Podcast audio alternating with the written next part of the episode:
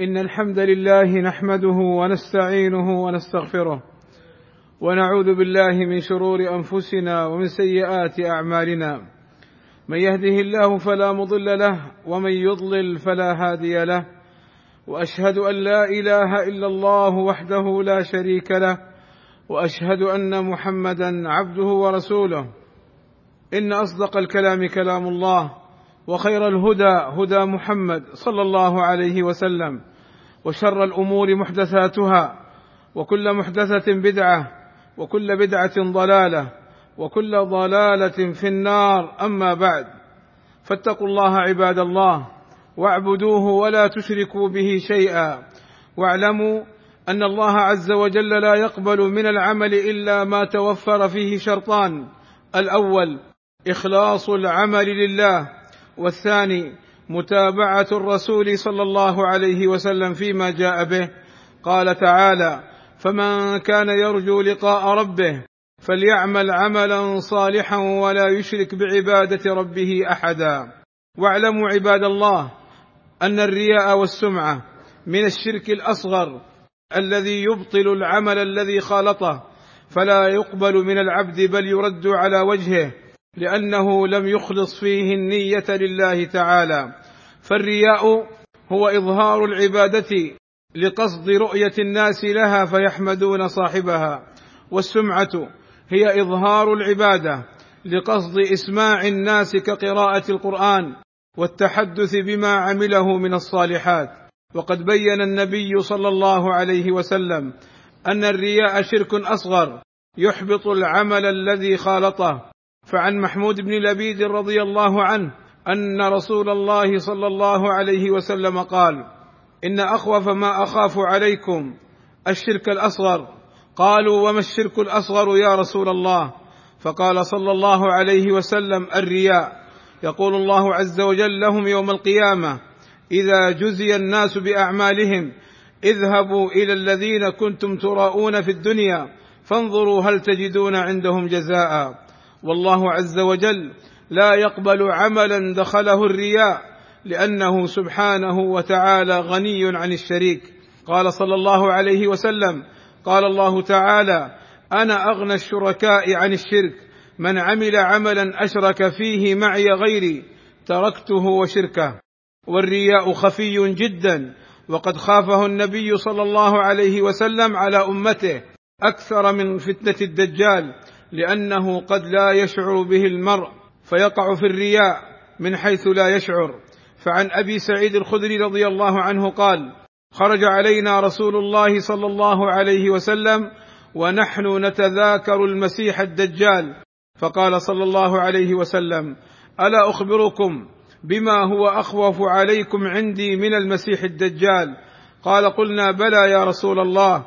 فقال صلى الله عليه وسلم الشرك الخفي أي الرياء. الشرك الخفي أن يقوم الرجل يصلي فيزين صلاته لما يرى من نظر رجل.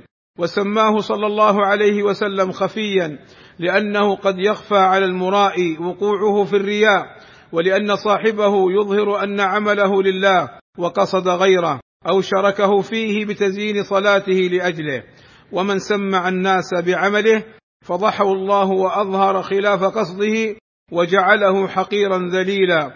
قال صلى الله عليه وسلم من سمع الناس بعمله سمع الله به سامع خلقه يوم القيامة فحقره وصغره.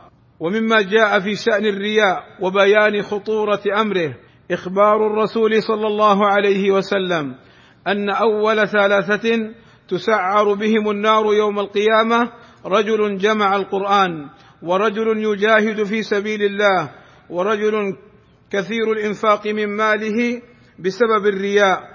فقال صلى الله عليه وسلم إن الله تبارك وتعالى إذا كان يوم القيامة ينزل إلى العباد ليقضي بينهم وكل أمة جاثية.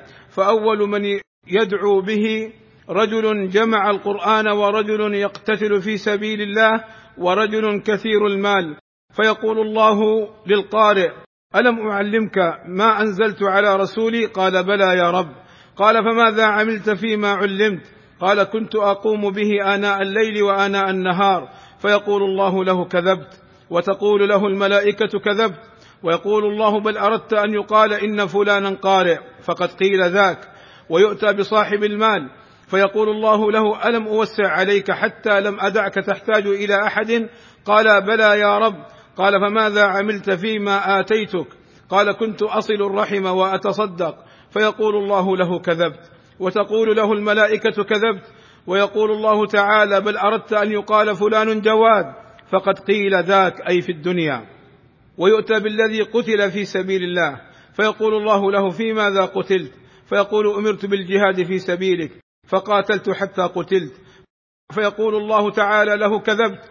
وتقول له الملائكة كذبت ويقول الله له بل أردت أن يقال فلان جريء فقد قيل ذاك فيؤمر بهم إلى النار فهؤلاء أول ثلاثة تسعر بهم النار يوم القيامة فلا إله إلا الله فما حال الآخرين فما أعظم هذا الحديث وما أشده وما أخطر حال المرائين يوم القيامة.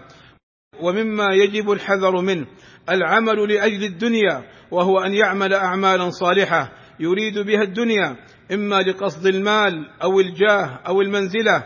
قال صلى الله عليه وسلم من عمل عمل الآخرة للدنيا لم يكن له في الآخرة نصيب. أسأل الله الكريم أن يجنبني وإياكم الشرك ما ظهر منه وما بطن وأن يجعل أعمالنا خالصة لوجهه الكريم لا رياء فيها ولا سمعة. الحمد لله رب العالمين. والصلاة والسلام على المبعوث رحمة للعالمين وعلى آله وصحبه الطيبين الطاهرين. عباد الله الرياء مرض يحتاج إلى علاج وعلاج الرياء يحصل بعدة أمور منها إخلاص العمل لله وإرادة ما عنده من ثواب والخوف من العقاب مع توطين النفس على عدم الاكتراث والاهتمام بذم الناس ومدحهم والصبر على ذلك. ومن علاج الرياء معرفة عظمة الله فإذا علم العبد أن الله وحده هو الذي ينفع ويضر وأن الله ينظر إليه مطلع على ما في قلبه طرح من قلبه الخوف من الناس حيث زين إليه الشيطان تزيين عبادته أمامهم خشية ذمهم وطمعا في ثنائهم.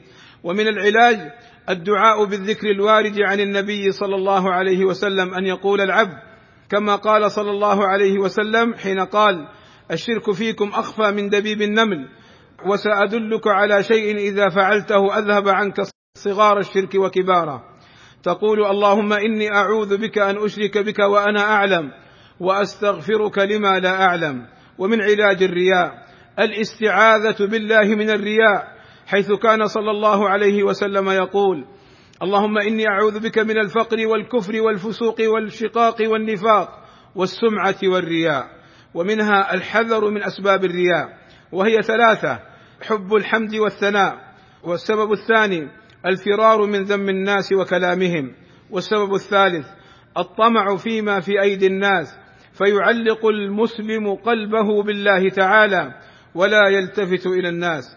ومن علاج الرياء معرفة عاقبة الرياء من عدم قبول العمل وما يكون في الآخرة ومعرفة اضراره ومن علاج الرياء الحذر من الرياء وأن لا يدخل عمله فيفسده دون وسوسة أو قنوط. عباد الله إن الله وملائكته يصلون على النبي.